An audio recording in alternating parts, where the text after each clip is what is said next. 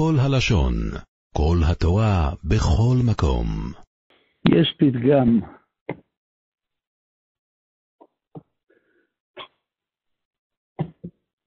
של בדיחה שצריך להסביר אותה.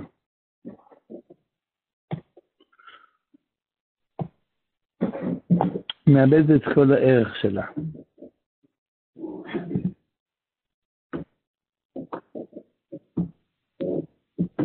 נסביר את הפתגם הזה קודם.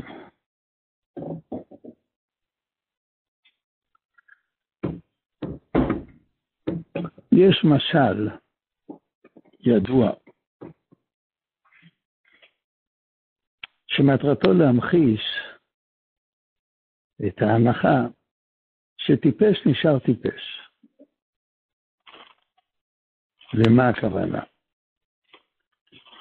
מעשה בבן מלך שהיה טיפש. המלך ידע שהבן הזה יושב על כיסו. רצה להכין אותו לתפקידו. לקח עבורו את המורה הטוב ביותר, והושיב אותו ללמד את בן המלך.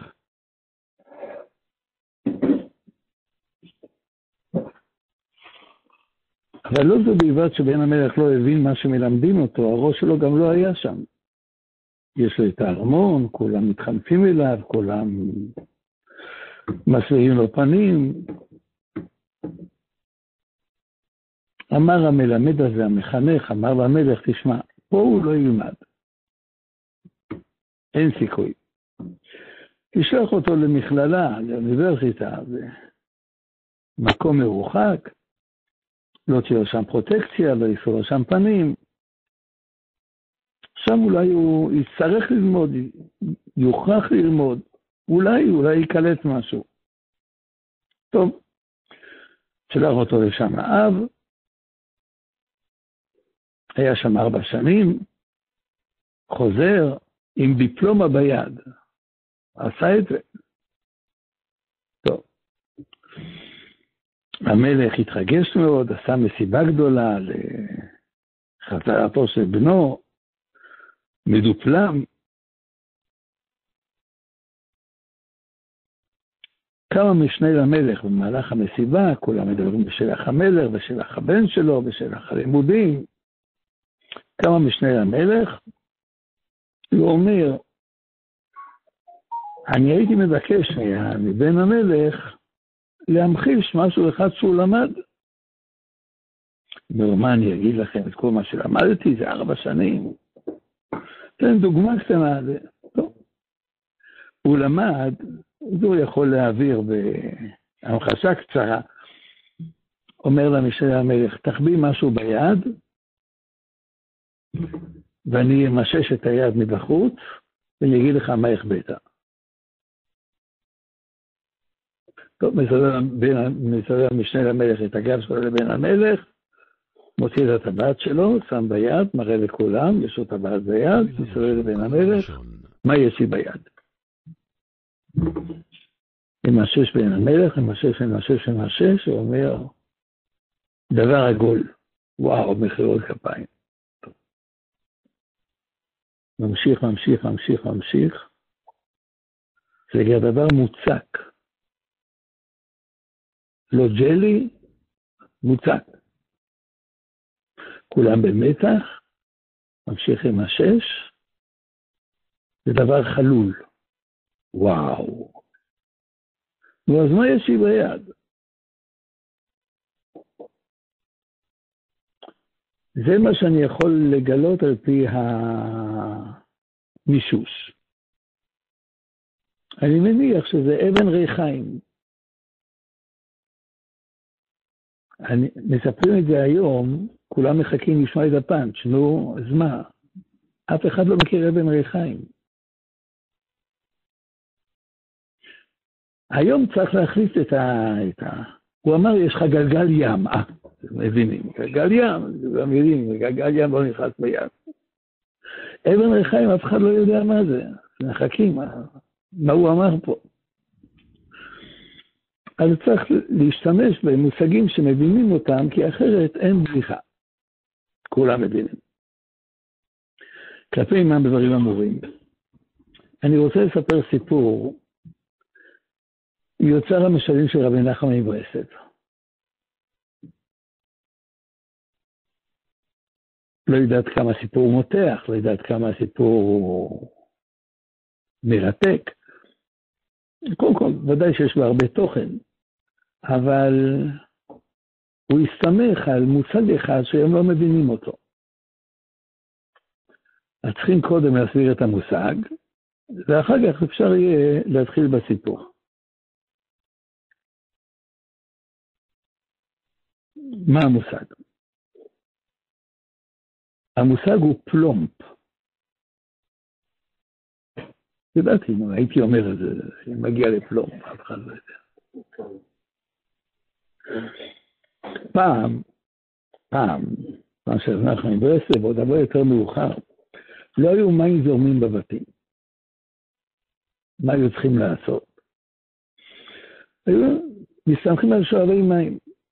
היו שואבים מהנהר, היו מוליכים על הגב שלהם, עשר, שני דליים, היו נכנסים למטבח, שופכים את זה לחבית שנמצאת שם. מזה היו... בתחילה היו מבשלים מזה, אחר כך את המים של הבישול היו רוחצים בהם כלים, ואת המים שרצו בהם כלים היו מתרחצים בהם ככה, ואחר כך היו עוד שולצים בזה את הרצפה. ככה, מנצים כל טיפה. טוב.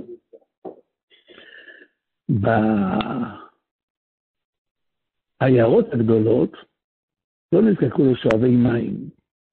חפרו בארות בכל זיקה רחוב, היה באר עם גלגלת עליו, ובגררים את הגלגלת, דלי חוויה למעלה, דלי חוויה למטה, וחוזר חלילה, היו מסתדרים. בערים הגדולות, עד היום, לפני כ-30 שנה,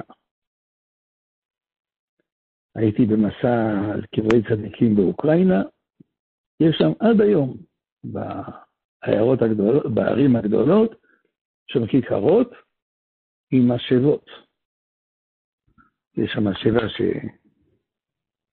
שמגיע עד מי התהום, ויש שם כזה ידית, מרימים לוחצים, כנראה עובר עליו, איך קוראים לזה, לחץ אוויר, נשפך מהפלומפ הזה, נשפך, נשפך עם המים, כל אחד מביא את הדלי שלו, עושה כמה לחיצות, ממלא את הדלי והולך הביתה. זה, זה הפלומפ הידוע. רב נחמן ברסלב סיפר סיפור שמתייחס בחלקו לאותו פלומפ. נספר רב נחמן ברסלב את הסיפור הבא. מעשה באדם אחד שלא האמין לסיפורים שכולם מספרים, שיש שדים בעולם. לא האמין לזה. שדים שמתרוצצים עם בני אדם ועושים מהם צחוק. לא האמין. פעם בא אליו בלילה שד אחד וקורא לו. קרא לו החוצה. יצא האדם הזה לחוץ, מה הוא רוצה? יש לו סוס למכור. שאל אותו כמה עולה הסוס, הוא אמר לו, ארבעה זהובים. הסתכל על הסוס, בחן אותו, סוס נאה, סוס גדול, סוס שווה לפחות חמישים. הוא קונה אותו. שילם, קנה אותו. טוב, למוחרת הוא הוציא את הסוס למכירה. אותה אנשים, היו מוכנים לשלם שלו חמישים. כבר היה מרוויח פי עשר. חשב, אם כבר מציעים לו חמישים, כנראה הוא שווה מאה. הוא לא מוכר אותו פחות ממאה. טוב, אז הקונים האלה הלכו, הגיעו אחרים, העלו ל-70, העלו ל-80, העלו ל-100. אמר, אם אתם שלו 100, הוא כנראה שווה 200. אז הוא לא מוכר אותו פחות מ-200.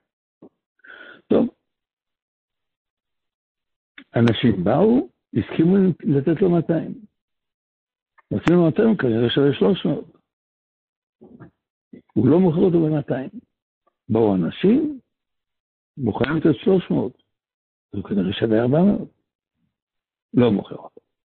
טוב. כל מה שהציעו לו, כנראה העלה את המחיר, כנראה אם מציעים לו את המחיר הזה הוא שווה יותר. אמרו לו, תשמע, סוס כזה, במחיר שאתה רוצה, יכול רק המלך לקנות. מוכן? בא לפני המלך, כמה אתה רוצה בשבילו? כמה המלך מציע? אמר אלף. שווה אלף, כנראה הוא מציע אלף, כנראה הוא שווה אלפיים. אלפיים אומר המלך, אני לא נותן בשבילו. אז לא. לקח את, לקח את הסוס והלך. הוא הלך, היה צריך להשקות את הסוס. הלך לפלומפ, מילא את השוקת מים, נתן לסוס לשתות, והסוס קפץ לתוך החור של הפלומפ ונעלם. הסוס של אחיזת עיניים הרי. אוי ויי ויי, הוא אומר, הסוס נעלם לי, מה קורה פה? אנשים באו, מה, מה, מה קרה? מה אתה מיילל? לי סוס שווה אלף, שווה אלפיים, המלך לי אלף. והוא נעלם, לאן הוא נעלם? לתוך הפלומפ הזה. מה אתה מדבר? איך סוס יכול להיכנס לתוך הפלומפ הזה?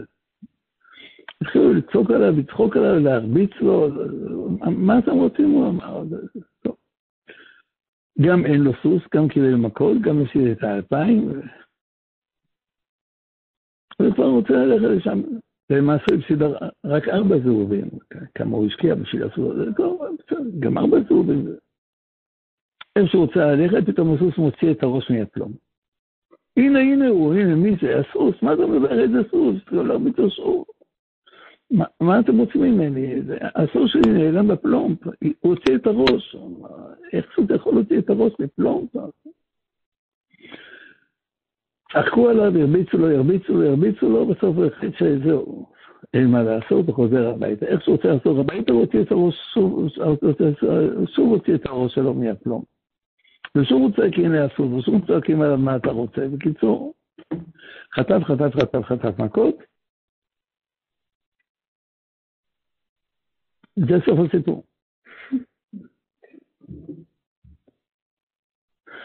מה רוצה רבי נחמן מברסלב מהסיפור הזה? על הסוף והפלומפ.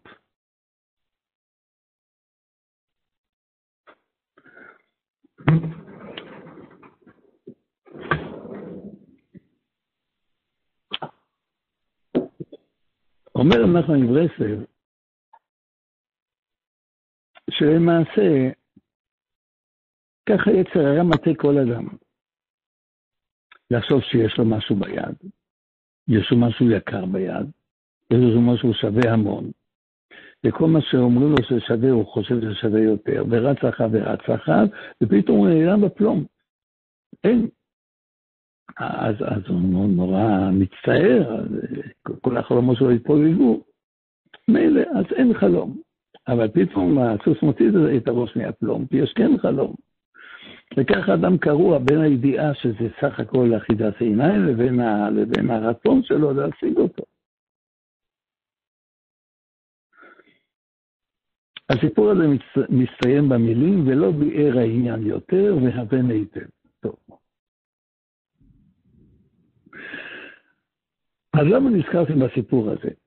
ולאן הבאתי אותו? בגלל שהרמב"ם כותב באיגרת הידועה שלו לבן שלו, איגרת ההדרכה שלו, ויש לך בני לדעת, כי פרעה מלך מצרים הוא היצר הרע באמת. וישראל כולם הם כדמות השכל האנושי. אנחנו ההיגיון, פרעה היצר הרע, ומשה רבינו הוא השכל האלוקי. ומצרים בכללותם הם הגוף. אז יש לנו את הידיעה הראשונה, שפרעה הוא היצר הרע. כעת השאלה, מי הוא היצר הרע? כותב הרמב"ם במורה נבוכים, חלק ב', פרק י"ב, הדמיון הוא היצר הרע באמת. היצר הרע הוא כוח הדמיון שבאדם. כותב רבי סלח חיים מלובלין בספרו צדקת הצדיק, אות ר"ה, ושמעתי, שמצרים רצה לומר דמיון. ויציב המילתא, הדבר הזה אמת, מטעם האריזל בליקוטי תורה, שמצרים ערוכים בקטנות, בקיצור, מצרים דמיונות. טוען לדברי הרמב"ם שהיצע הרע הוא דמיון.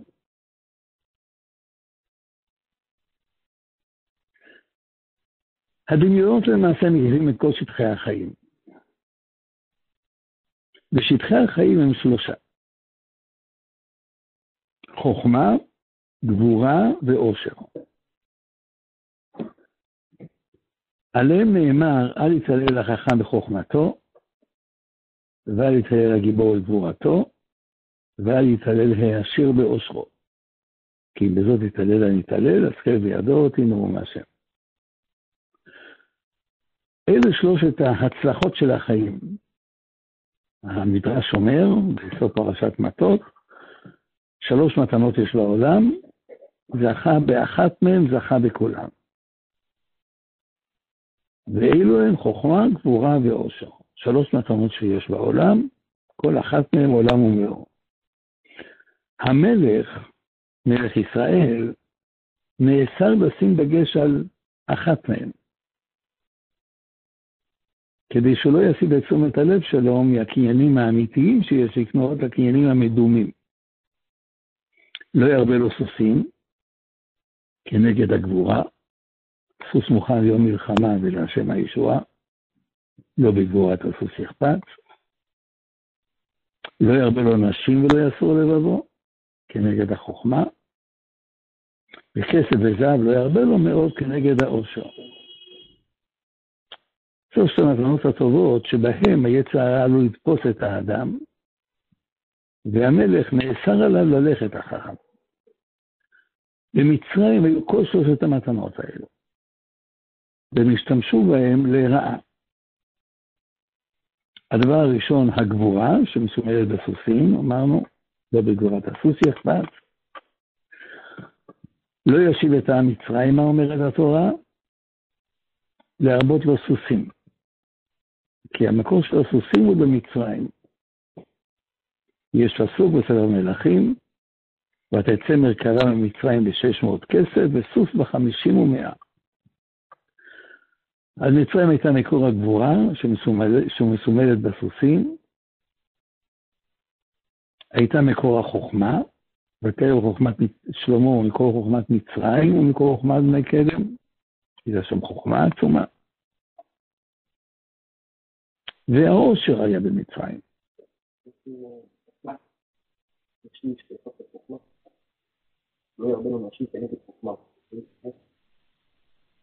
ולא יכול לבוא, אנשים מסירות את הלב מהחוכמה.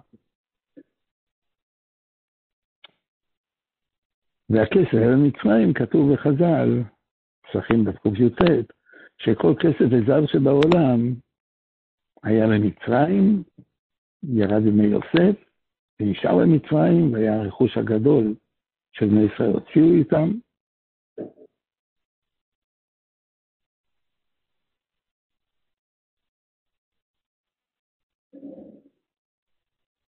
כותב רבי צחק הכהן מלובלין, כלל הדמיונות והערעורים שבאדם הם קבועים בשלושה שורשים, של קנאה ותאווה וכבוד, שהם שורשי המידות הרעות.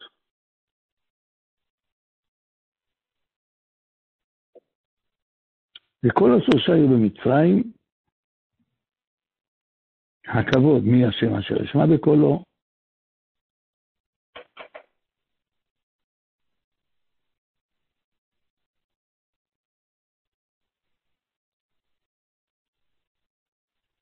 התאווה, כמעשה מצרים אשר ישבתם בעלות העצור, והקנאה, כל הבאים האלה עד היאור תשליכו,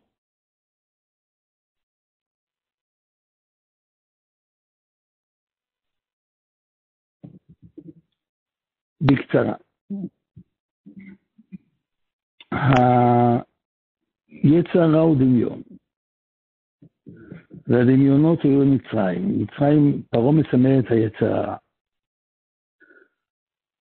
והדמיונות למעשה הם מחכים לשניים. אדם מדמיין שהוא יכול להשיג מה שאי אפשר להשיג,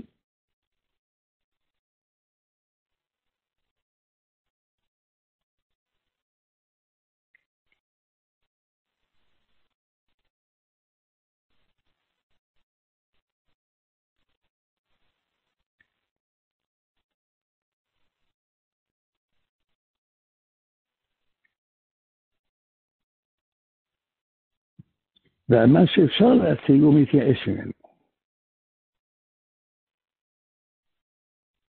רב נחמן ברסלב סיפר, שוב בתור משל על דמיונות, היצר הרע הוא אומר, דומה לאדם שהולך עם אקרוף כמות, ושואל את כל אחד, מה יש לי באקרוף? אם תדע מה יש לי, תקבל את זה. וואו.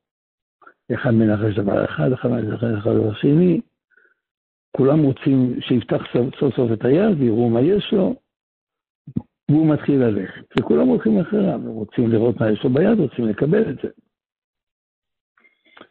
הוא מוליך אותם עד לקצה העיירה, נכנס לתוך היער, הולכים ביחד איתו כולם, מגיע ללב היער, כולם במתח, פותח את היד ואין בה כלום. היצר הרע, הדמיון של היצר הרע.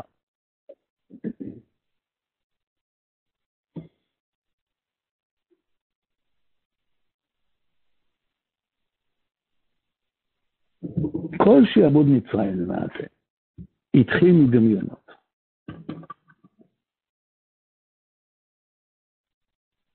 פרעה שיאבד את, את העם, למה? כי אולי, אולי, פן ירבה העם בראש, פן... אה,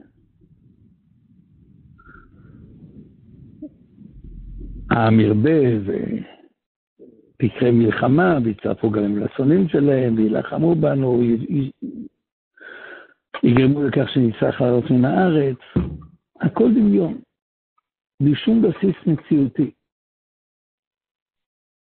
ועל ידי כך הוא התחיל את השעבוד. ולמעשה הדמיון שלו לא היה.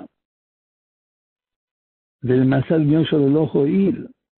כי אחרי שהוא שיעבוד את בני ישראל, כאשר יענו אותו כנראה וכן יפרוט, אז לא, זה לא ממש עזר לך.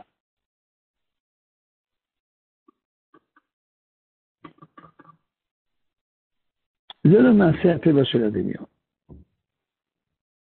יש לו מנה רוצה 200, יש לו 200 רוצה 400, תמיד הוא עסוק במה שאין לו. דיברנו על כך פעם. אין אדם יוצא מן העולם וחצי תאוותו בידו. לכאורה יש את חצי תאוותו. יש לו רוצה 200, יש לו חצי תאוותו. אבל הוא לא עשוי במה שיש לו, הוא עשוי במה שאין לו. את כל הדגש, את כל, את כל, ה... את כל המיקוד הוא שם על מה שאין לו, ועסוק בזה.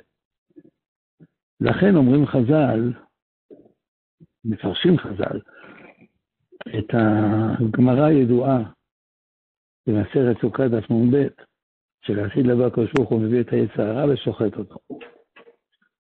צדיקים בוכים והרשעים בוכים. למה? צדיקים נגמר להם כהר, איך הם לא יכולים לכבוש את ההר הגדול הזה, רשעים נגמר להם זכות השערה, איך הם לא יכולים לכבוש את זכות השערה. היצר הרע הוא הרי אחד. איך שניהם רואים אותו מחזה, ושניהם רואים אותו הפוך. אחד רואה אותו גדול, אחד רואה אותו קטן. מה היצר הרע, גדול או קטן? והתשובה היא, היצר הוא דמיון. הדמיון נראה לך גדול, עד שאתה הולך אחריו. כשאתה הולך אחריו, אתה רואה שהלכת אחרי כלום. אז הרשעים שלא הולכים אחריו רואים עליהם גדול. הרשעים שהלכו אחריו רואים שהם הלכו אחרי כלום.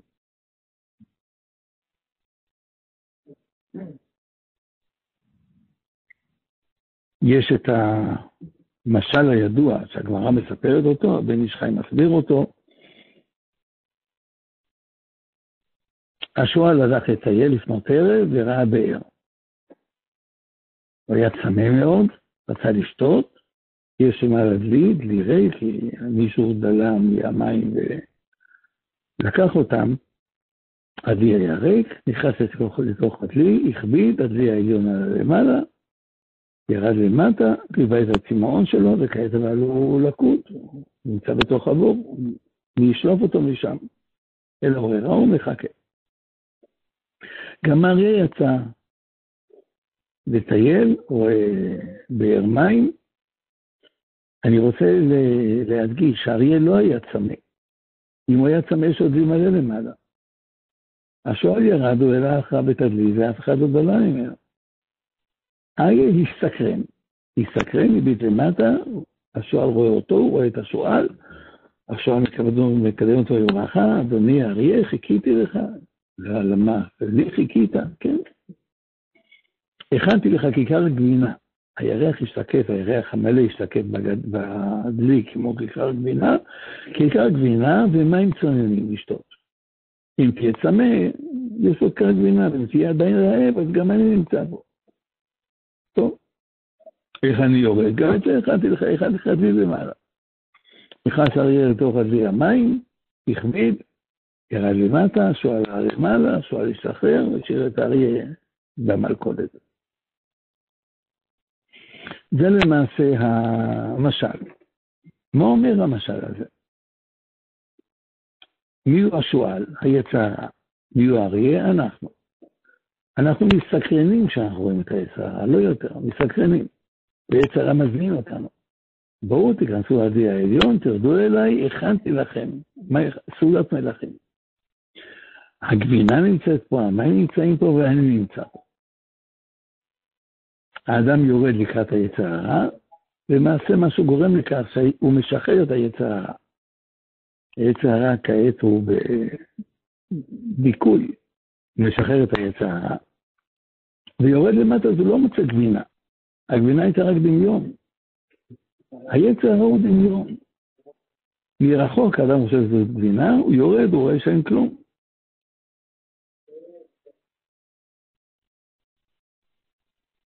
רב לייב חסמן היה מביא את הגמרא הידועה במסכת נדרים, דף ל"ב עמוד ב', על הפסוק בספר קהלת, עיר קטנה ואנשים בה מעט. זה האדם. הוא בא אליה מלך גדול וסבב אותה, זה היצר הרע. הוא בנה עליה מצודים וחרמים, אלו עוונות, הוא רוצה לכבוש את העיר.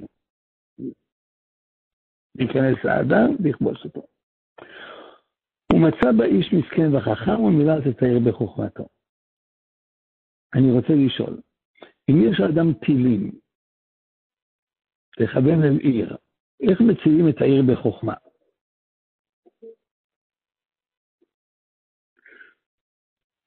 נספר בלית חספן סיפור. למשל, מעשה בכפרי ששמע, שמע, שמע, שמע שמעות על העיר הגדולה, הסתקרן מאוד, לדעת אם נכונות או לא נכונות. חסך כמה, כמה פרוטות, נוסע אל העיר הגדולה, בעל העגלה אמר לו, אני בחמש אחרי הצהריים חוזר חזרה לכפר. אם אתה תהיה, נסיע אותך חזרה. טוב, יש לו כמה שעות, אז הגיע ב-10 בבוקר, יש לו כמה שעות עד חמש אחרי הצהריים, מטייל בעיר, רואה שהכל נכון, יש, יש עגלות ביסוסים, יש, פילי, יש בניינים גבוהים, פילי העיר הגדולה. הולך, הולך, הולך. הוא נזכר שהוא צריך לחזור חזרה לעיירה שלו, כולם יבואו לשמוע מה הוא ראה, הוא יספר סיפורים, כולם יגידו לו חלומות, לא רוצה להראות להם שהוא היה בעיר הגדולה לו חלומות. טוב, הוא רואה חנות כלי חשמל, נכנס פנימה, מה יש לך להציע לי? חנות שעימה. טוב, יש רק בעיה אחת, הכפר שלנו לא מחובר לרשת החשמל. לא... טוב, מה עושים? אומר לו יהודי, תראה, לא יכול להציע לך אה, מאוורר, כי זה יעשה על חשמל, אין לכם חשמל. יש כמה כסף יש לך? הוא אומר, יש לו 20 שקלים. בעשרה שקלים מספיק, אני נותן לך משהו, פנס כיס עם בטריה בפנים. מה זה עושה? אתה לוחץ כאן, זה מאיר. מה אתם משתמשים? בנרות ובנורת נפט. כולם יבואו אליך לשמוע את הסיפורים שלך, בלילה אתה מאיר את ה... את... כל, כל, כל הבקתה שלך מאירה קסם. טוב, עשרה שקלים, נותן עשרה שקלים, קרא את הפנס, ממשיך לצייר בעיר, עובר ליד בניין יפה עם המון אה, נדרשות, גורות, טבעוניות, מעבבות, סביב כרזה מרכזית עם ציורים. מה זה הוא שואל? תור שלם, זה עומד לקופה, בתור לקופה. מה זה? בית קולנוע, מה זה קולנוע? מה, אתה נהיה אתה נהיה כפר? כן, הוא נהיה כפר, מה זה קולנוע? לא היית בקולנוע, לא היית בעיר הגדולה. קולנוע. מה זה פה? מציגים הצגה. קלמן זה עורך שעתיים. בדיוק שעתיים, יש את האישה אחרי הצהריים, הצגת צהריים, עד חמש. כמה זה עולה? עשרה שקלים. גם זה יש לו. עשרה שקלים לפנס, עשרה שקלים להצגה הזאת, עומד בתור, משלם, קונה כרטיס, מגיע פנימה, תורשים את הספח, מביאים אותו לשורה שלו, לכיסא שלו, מושיבים אותו חושך. שומע את הנשימות של האיש לימינו, את הנשימות של, האיש לשמאלו, לא רואה אותם, חושך מוכן. אומרים שכנראה זה פה המקום שלוקחים את כל האנשים מכל העיירות, נותנים עם עשרה שקלים, שמים אותם במקום של חושך לשעתיים, ונפל, נפל. פתאום, המלבן מולו מתעורר תחייה, צבעוני כל כך, חצוצרות מריעות, הוא רואה תמונות, את הג'ונגל במיטבו, עיירות, נמרים, דובים, חי כל כך. ואז הוא אומר, וואו, אם זה כל כך חי כעת בחושך, כמה זה יהיה חי כשיהיה אור. נזכר שיש לו פנס בכיס. מוציא את הפנס, מעיר לעזור, לראות את זה באור, פתאום הכל מטושטש. תכבה את האור, תכבה את האור, צורחים מכל הכיוונים. למה הוא אומר, אני רוצה לראות טוב יותר? אתה לא מבין, פה רואים רק בחושך. רב לייב חסמן. יצר הרע מראה לך עולם שלם בחושך. אם תאיר את האור, תפוגג את כל הדמיונות. העץ הרע מביא דמיונות. מצא באיש מסכן וחכם וידעת תאיר בחוכמתו. הוא מראה לך שזה רק דמיונות, אין פה, אין פה, אין פה מלך, מלך גדול, אין פה, אין פה מצודים וחרמים, אין כלום. דמיונות. נשאלת השאלה, אם לכל אחד מאיתנו יש את הפנס בכיס, וכל אחד יכול לפוגג את הסרט, למה, למה לא עושים את זה? איך בכל זאת היצרה מנצח. והתשובה שאנשים לא רוצים, רוצים לחיות בסרט. רוצים לראות את זה, רוצ... כמה שזה עצוב, ככה זה נכון. רוצים לראות את הסרט. כשיעקב אבינו נאבק בשרו של עשיו, ניצח אותו, שאל אותו מה השם שלו. אמר לו, למה זה תשאל לשמי והוא פלילי? מסביר רב לב חסן, שם זה מהות. מה המהות שלך? אין לי מהות, כל כולי דמיון. למה זה תשאל לשמי? אין לי שם. היצר הרע כל כולו דמיון. טוב, אנחנו עומדים לפני פסח, זמן היציאה ממצרים, זמן היציאה מהדמיונות. החמץ רומז ליצר הרע, ואת החמץ למעשה צריכים לבאר מכל וכול. חמץ אסור למשהו, אסור להשעות אותו ברשותנו. כותב הרדב"ז מדוע? בגלל זה עומד ביצר הרע. צריכים לפוגג את הדמיונות בפסח. אסור להשאיר, להשאיר פתח לדמיון.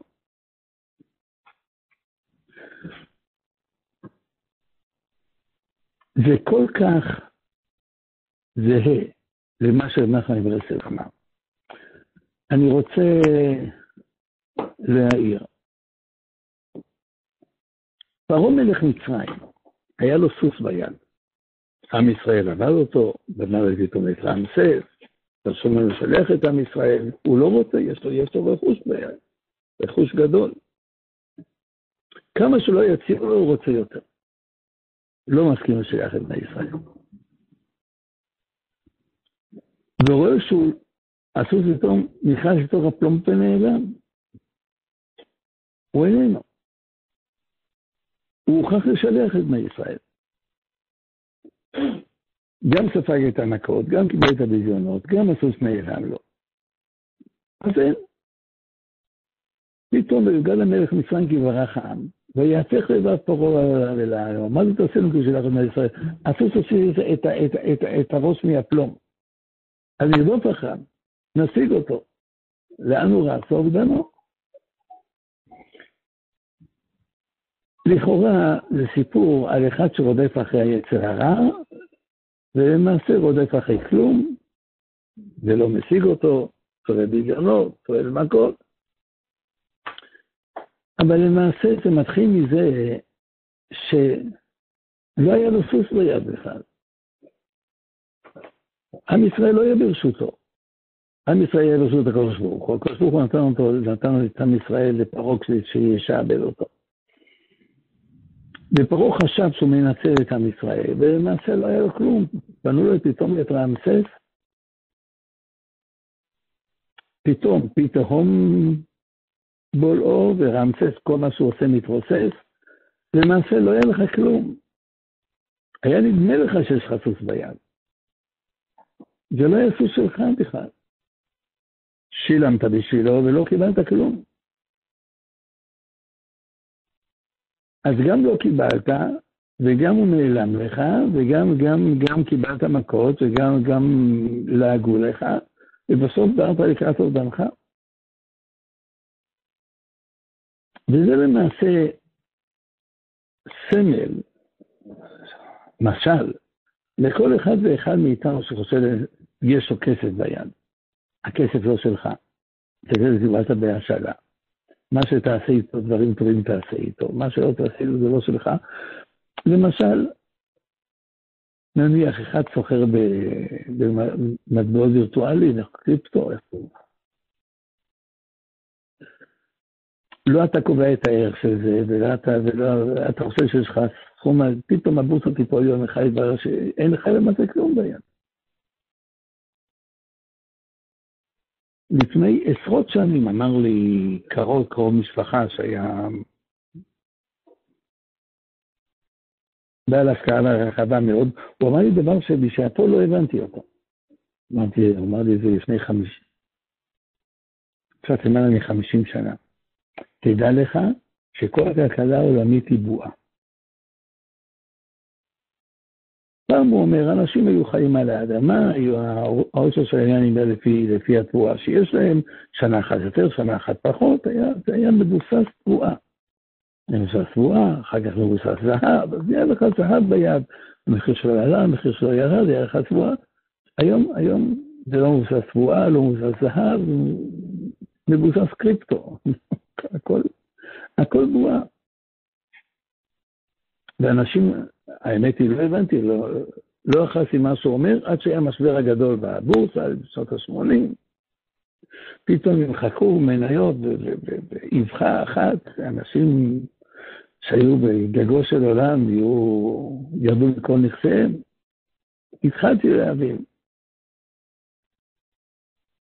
אז למעשה יציאת מצרים באה כדי להראות לנו, להביא אותנו לתובנה הזאת. פרעה מלך מצרים מרמז את היצר הרע, ושנדע שלא נלך אחרי מדוחים. יש דבר אחד אמיתי בעולם, וזה התורה והמצוות, מה שיש לנו יש לנו, מה שאין לנו בזה אין לנו, וכל השאר הוא בועה, הבל הבלים, נחוג כך את חג הפסח, נחוג אותו באמת. תודה, וחג שמח. עולם שלם של תוכן מחכה לך בכל הלשון, 03 617 1111